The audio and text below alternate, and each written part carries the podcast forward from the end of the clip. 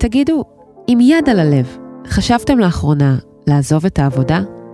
לעשות משהו אחר, או פשוט לקחת פסק זמן? אם כן, צר לי לבשר לכם, אתם ממש לא מיוחדים. הרבה מאוד אנשים בעולם, וגם בישראל, חשבו לעזוב את העבודה בתקופה האחרונה. וחלקם אפילו עשו את זה. גיליתי שבעצם הכללים השתנו.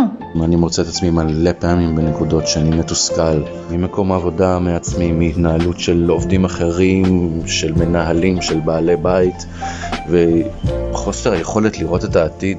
היום אני בעצם מרגישה שאני מצליחה לשלב בצורה מיטבית גם את הקריירה שלי אה, וגם את האימהות שלי ביחד. יש פה דור ש... יש לו ביטחון הרבה יותר גדול לגבי אה, יכולות התעסוקה שלו. גרם לי להבין שהעבודה עצמה פחות מעניינת אותי, פחות מאתגרת אותי, ולא מקדמת אותי מספיק מקצועית. וכן, זה קורה דווקא עכשיו, כשמשבר הקורונה עדיין איתנו. מהן הסיבות לתופעה הזו, ואיך היא משנה את שוק העבודה, ועוד תשנה אותו בעתיד. היי, אני הילה וייסברג, ואתם מאזינים לצוללת של גלובס. היום נדבר בדיוק על השאלה הזו. למה כולם מתפטרים? ונדבר עליה עם שתי כתבות גלובס. הכתבת לענייני עבודה דפנה ברמלי גולן, וכתבת מגזין G, הדס מגן. כתבה נרחבת שלהן בנושא תתפרסם בסוף השבוע במגזין G ובאתר גלובס. היי דפנה. היי. ברוכה הבאה לצוללת. תודה רבה. לפני שאנחנו צוללות לנושא, קחי אותנו קצת אה, לנתונים. מה קורה בעולם, מה קורה בישראל, בכל הנוגע למתפטרים, ועד כמה זה שונה מתקופות אחרות בעבר. אה, אז ככה, אפשר להתחיל ממחקר של מייקרוסופט שמאוד רחב שנעשה במרץ, בקרב 65 אלף עובדים ברחבי העולם, והוא מצא ש-41% מכוח העבודה העולמי שוקל לעזוב את מקום העבודה. זה מדהים, זה אומר אחד מכל שניים וחצי עובדים. נכון מאוד. ומצד שני, סקר עולמי אחר של Manpower Group מצא ש-70% מהמעסיקים נאבקים לגייס טאלנטים. Mm-hmm. וזה שונה מבעבר?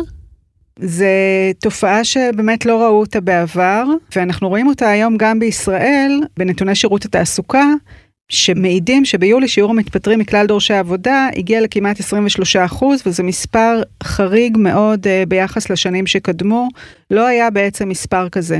הוא יותר מפי שניים למשל בהשוואה ל-2012. נכון מאוד. וכשאנחנו אומרות uh, מתפטרים, הכוונה היא לאנשים uh, שלא היו בחל"ת, אלא התפטרו ביוזמתם. וכעבור שלושה חודשים, אם הם לא מצאו עבודה חדשה, הם היו זכאים לדמי אבטלה. אה, אבל אנחנו כאן בפרק נשמע אנשים שחלקם עשו שינויים מקצועיים בתקופת הקורונה, גם אם הם לא היו מתפטרים קלאסיים. נכון מאוד, אנחנו נשמע כמה סיפורים שמעידים על הרצון של אנשים בשינוי, בהסבה תעסוקתית, בשינוי בתנאי העבודה. יש סקר שערכו בדלויט אה, בישראל ביולי בקרב 550 אה, עובדים, שהוא באמת סקר מדהים. צריך רק אה, לומר שהסקר הזה נעשה בקרב אנשים קרייריסטים, ככה הם מגדירים אותם, בני 30 עד 50, מתגוררים באזור המרכז. כמעט 90 אחוזים מהם אמרו שעד למשבר הקורונה העבודה הייתה רכיב משמעותי ביותר בחייהם. אבל בשנה האחרונה, שלושה מכל ארבעה מהם, 75 אחוזים, אמרו שהיחס הזה אה, השתנה. לשאלה הכי רלוונטית לענייננו, האם שקלתם להחליף עבודה, 74 אחוזים 74 אחוזים ענו שכן, הם בהחלט שקלו זאת, ורבים מהם גם שקלו להחליף עיסוק. אלה נתונים באמת אה, יוצאי דופן. הם הפתיעו אותך? הפתיעו ולא הפתיעו. במהלך השנה האחרונה אני מדברת עם אה, המון ארגונים שמעידים על זה שעובדים רוצים לעזוב, עובדים מחפשים דברים אחרים, בראיונות עבודה הם מבקשים תנאים של עבודה מהבית, הם אה, רוצים יחס אחר מהמנהלים, הם אה, לא רוצים לעבוד בשעות השגרתיות, הם לא רוצים ישיבות בתשע בבוקר, הם הבינו שאפשר לעשות דברים אחרת. והמון אנשים uh, מבקשים לרדת במשרה, לרדת uh, בימים שמגיעים למשרד. לכן uh, זה מסתדר עם כל התחושות של אנשים בשנה האחרונה. תחשבי על הנתון הזה, דפנה, שלושה מכל ארבעה. אם נלך פה לאיזה משרד עורכי דין סמוך, או אדריכלים, שלושה מכל ארבעה אנשים עובדים שנראה שם, המחשבות שעוברות להם בראש, אה, אולי אני צריך למצוא לעצמי מקצוע אחר, אולי בכלל אני צריך לפרוש לאיזה טיול מסביב לעולם.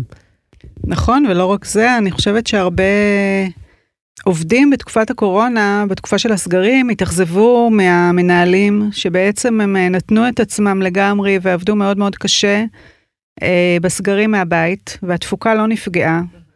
אה, ומיד אחרי הסגרים ביקשו מהם לחזור למשרד לחמישה ימים, ביקשו מהם לחזור למה שהיה קודם. אה, ואנשים כבר התרגלו להיות בבית וראו שהם מצליחים לעבוד וגם לעשות עוד דברים, והם לא מסכימים לחזור למצב הזה.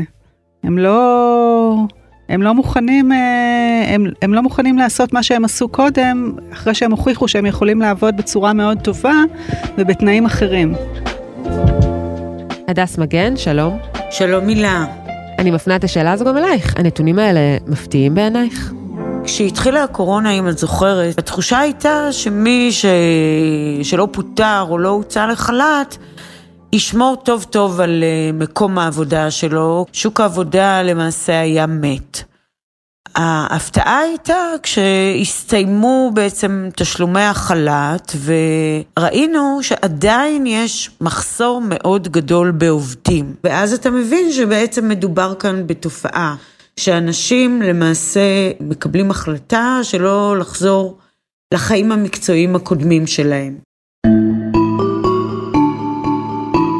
דפנה, בכל זאת יש פה משהו שלא ממש מסתדר לי. עד לפני שנה היינו ב-20 אחוזי אבטלה, והדיווחים היו על כך שעובדים נצמדים לכיסא, נצמדים חזק. החריג הכמעט יחיד היה ענף ההייטק, ששם דווקא הייתה פריחה בקורונה ומלחמה על טאלנטים.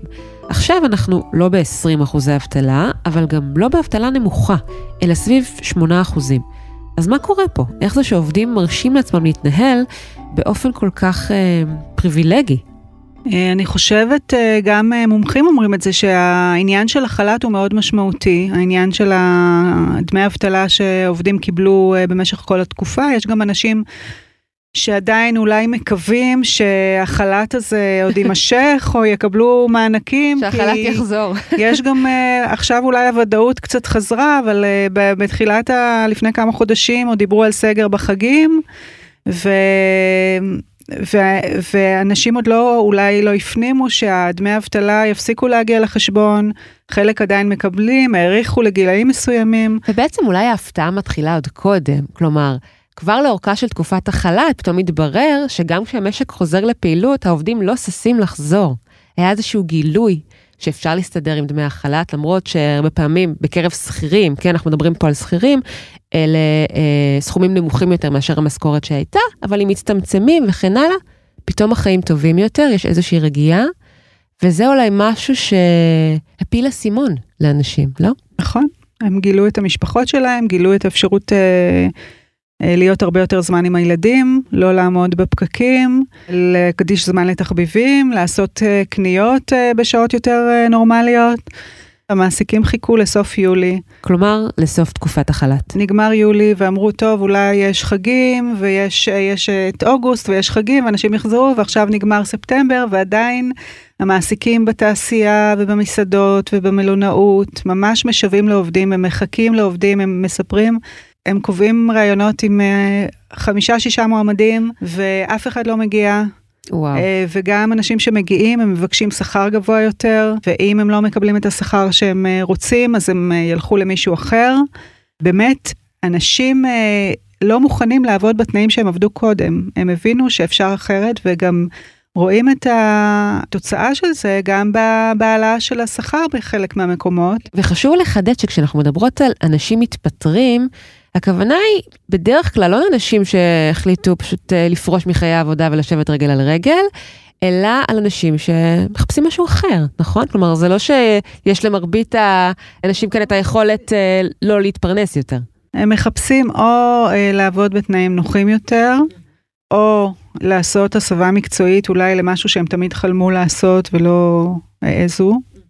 או להקטין שעות משרה, להיות אולי יותר בבית, לפנות זמן לתחביבים, לעשות שינוי. בסקר של דלויט שנעשה בישראל, דיברנו עליו, המשתתפים נשאלו מה היו המניעים שלהם לרצון לעשות שינוי, ומה שמעניין הוא שסוגיית המשמעות בעבודה והעניין הם שתפסו את המקום העיקרי בתשובות.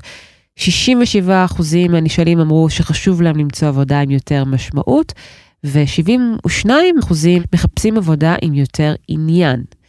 אז בואי נשמע את נועה בן אריה, מנהלת תחום הון אנושי בדלויט, בעניין הזה. אנחנו קוראים לזה האדם מחפש משמעות ועניין. כי זה ממש שני הדברים המרכזיים אה, ככה באופן אה, משמעותי. מה שחשוב להם במעברים האלה, בצורך הזה להחליף מקום עבודה או להחליף תחום עיסוק, זה לעשות משהו משמעותי יותר ושיהיה להם יותר מעניין. אדם כזה שמצא את עצמו מחפש משמעות דווקא בשיא של המגפה, הוא רון כסיף, בן 43 מרמת השרון. כסיף הוא טבח, ובמשך 20 שנה הוא ניהל מטבחים של מסעדות מובילות בישראל, כמו בנדיקט ונונו הרצליה.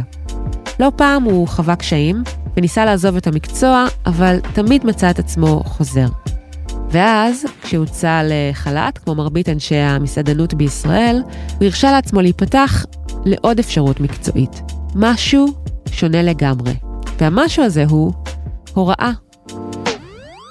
מצאתי בקורונה איזשהו אה, מקום של שקט, איזשהו מקום של אה, זמן לחשוב, אה, משהו שהיה מתחת לפני השטח ודובר עליו רבות עם חברים, אה, היה למה לא בעצם ש, שאני אלך ללמוד, ללמד הוראה, לפחות לחבריי זה נראה מאוד מתאים מבחינת הכישורים שלי והיכולות המילוליות שלי, אה, אבל תמיד זה נדחה כי יותר נוח פשוט לקום וללכת לעבודה מאשר להתחיל מסלול חדש של לימודים אקדמיים.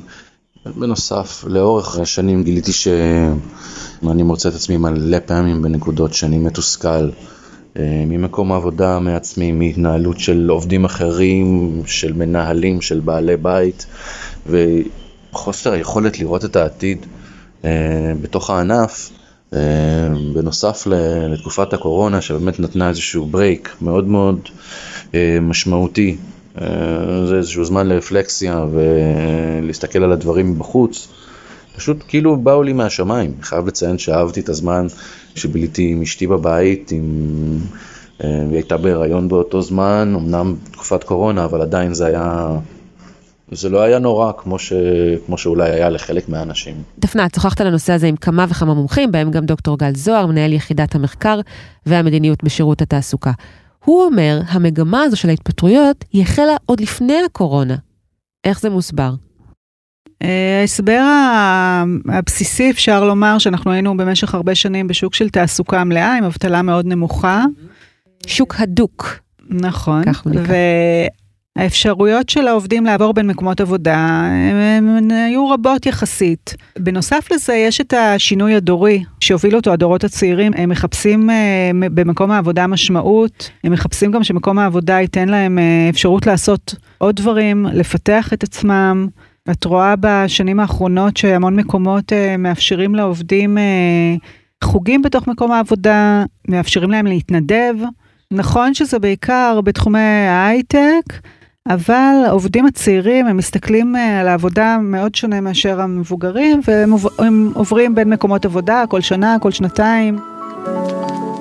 אז בואי נשמע עכשיו את הסיפור של עמרי בלאו, בן 34 מפתח תקווה, נשוי ואב לשניים, בני ארבע ושנה וחצי. הוא מספר שדווקא בתוך סיר הלחץ של הסגרים עם הילדים בבית, הוא הבין משהו חשוב לגבי העבודה שלו.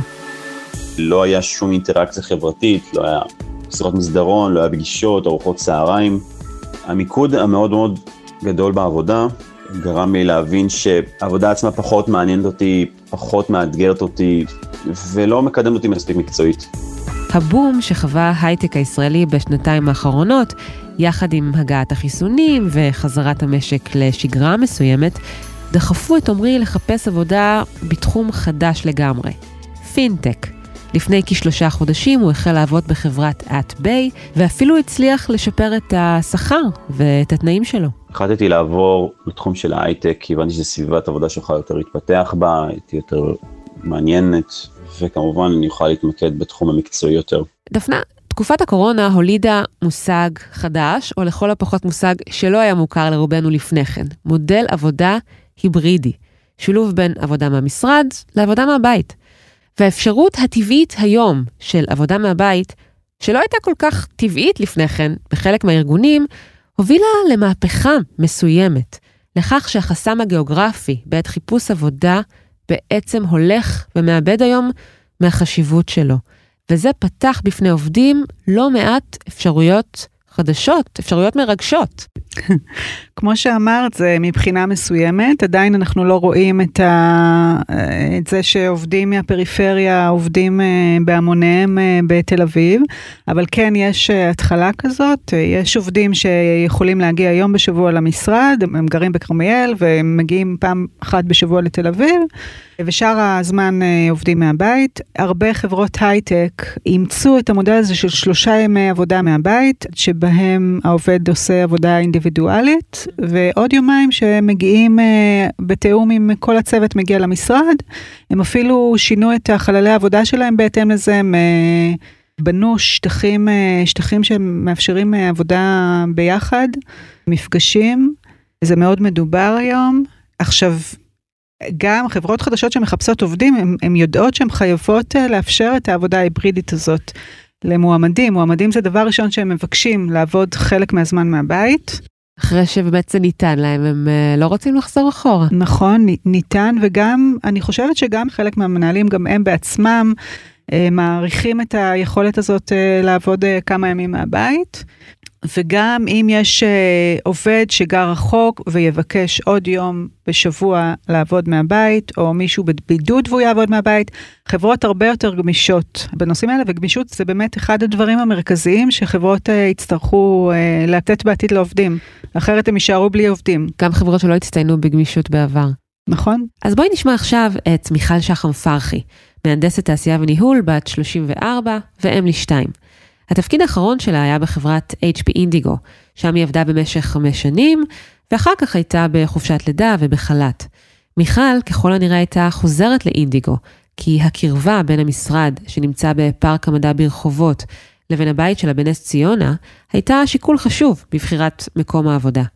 אבל אז הגיע המודל ההיברידי, והוא הוביל אותה לחברת ספורטק בשם פיקסלוט, חברה שממוקמת בפתח תקווה. או במילים אחרות, לא ליד הבית. גיליתי שבעצם הכללים השתנו, ובעצם היום מאוד מאוד מקובל אה, לתת לעובד לעבוד מהבית במודל העבודה ההיברידי, ועבורי זה ממש היה שינוי משמעותי, כי זה פתח לי הזדמנויות שמבחינתי היו פסולות עד לפני הקורונה.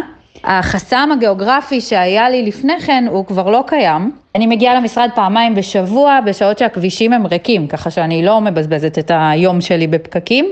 בתור מנהלת פרויקטים אני יכולה להגיד שהמעבר מעבודה בחברה ענקית, קורפורט כמו HP לחברת אה, סטארט-אפ, אפשר לי אישית מאוד לגדול ולהתפתח מקצועית. אמ, להיכנס וללמוד המון תחומים שבעבר לא נחשפתי אליהם, וזה באמת מה שאני לפחות הכי אוהבת לעשות. ובעצם ברגע הזה הבנתי שאני פתאום לא צריכה לוותר על כלום ושאני מצליחה לשלב בצורה מיטבית גם את הקריירה שלי וגם את האימהות שלי ביחד. מה שעוד מפתיע זה שתופעת ההתפטרויות היא חוצת גילאים ומקצועות.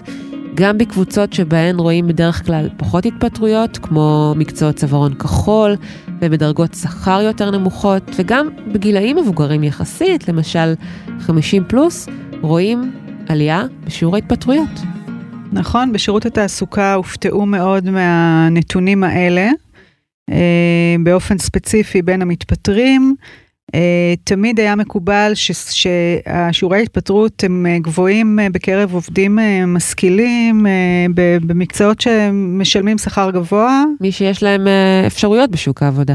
נכון, והנתונים האחרונים מראים את זה גם בתחומים של תעשייה מסורתית, בתחומים של הסעדה.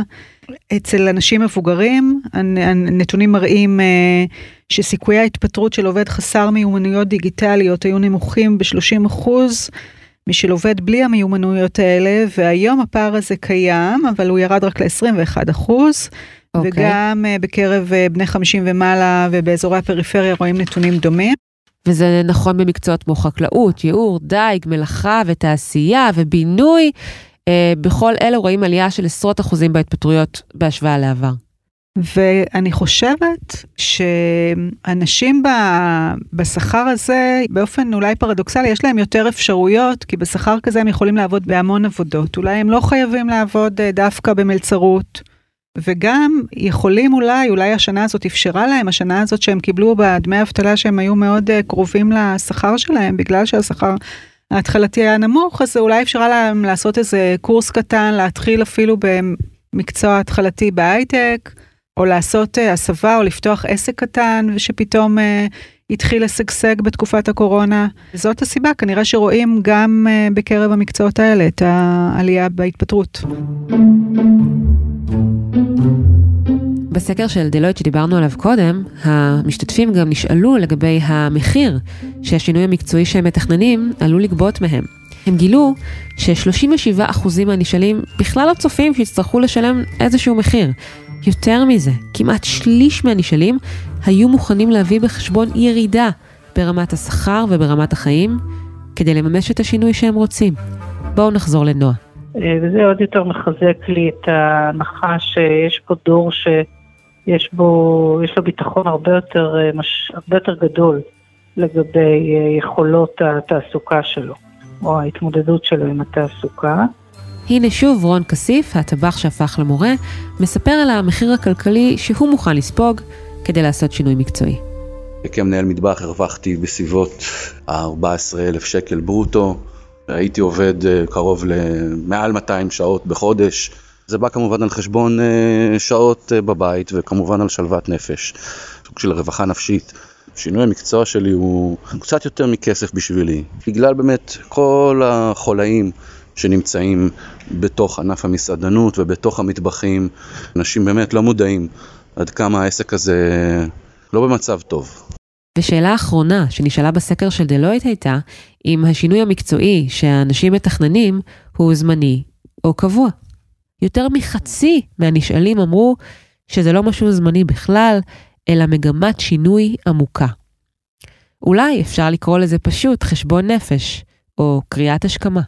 המסקנה שלי מכל הדבר הזה זה שנוצרה פה איזושהי מגמה בעולם העסקי שחייבים לתת לה מענה. זאת אומרת, ארגונים שימשיכו להסתמך על זה שעובדים יסתפקו בעבודה יציבה ובמשכורת טובה, אה, בחברות שלא יודעות לגמרי להגדיר מה הן תורמות לחברה ולעולם, וידרשו מהעובדים, נגיד, לעשות את תפקידם ולשבת בשקט לפני שהם דורשים התפתחות וקידום, עלולים אה, למצוא את עצמם בבעיה קשה מאוד.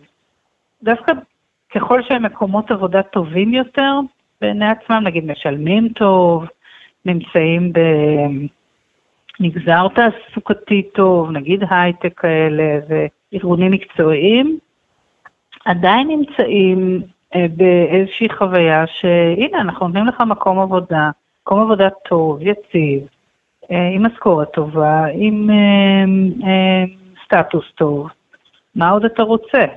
ומשהו פה בעמדה של מעסיקים יהיה חייב להשתנות. לסיום, שאלתי גם את דפנה ברמלי גולן וגם את הדס מגן, מהי המסקנה שהן לוקחות איתן מהסיפור הזה של גל ההתפטרויות והשינויים המקצועיים שהתרחשו בקורונה. הנה הדס.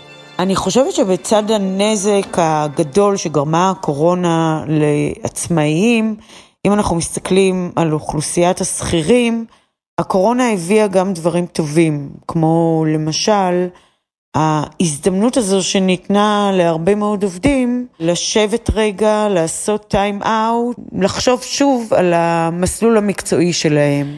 זה למעשה פסק זמן שהביא לא מעט עובדים, בסופו של דבר להיות יותר מרוצים מחייהם. אני חושבת שההתפטרויות וכל השינויים שאנשים עושים הם חלק משינוי אה, שעובר על שוק העבודה.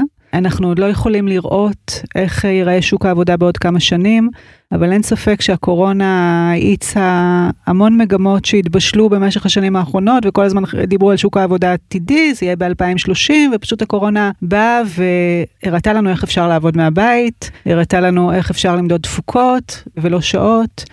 לשנות את היחסים בין מנהלים לעובדים, וזה כנראה ישפיע מאוד על איך שיראה שוק העבודה, יהיו בו בטוח שינויים מאוד גדולים.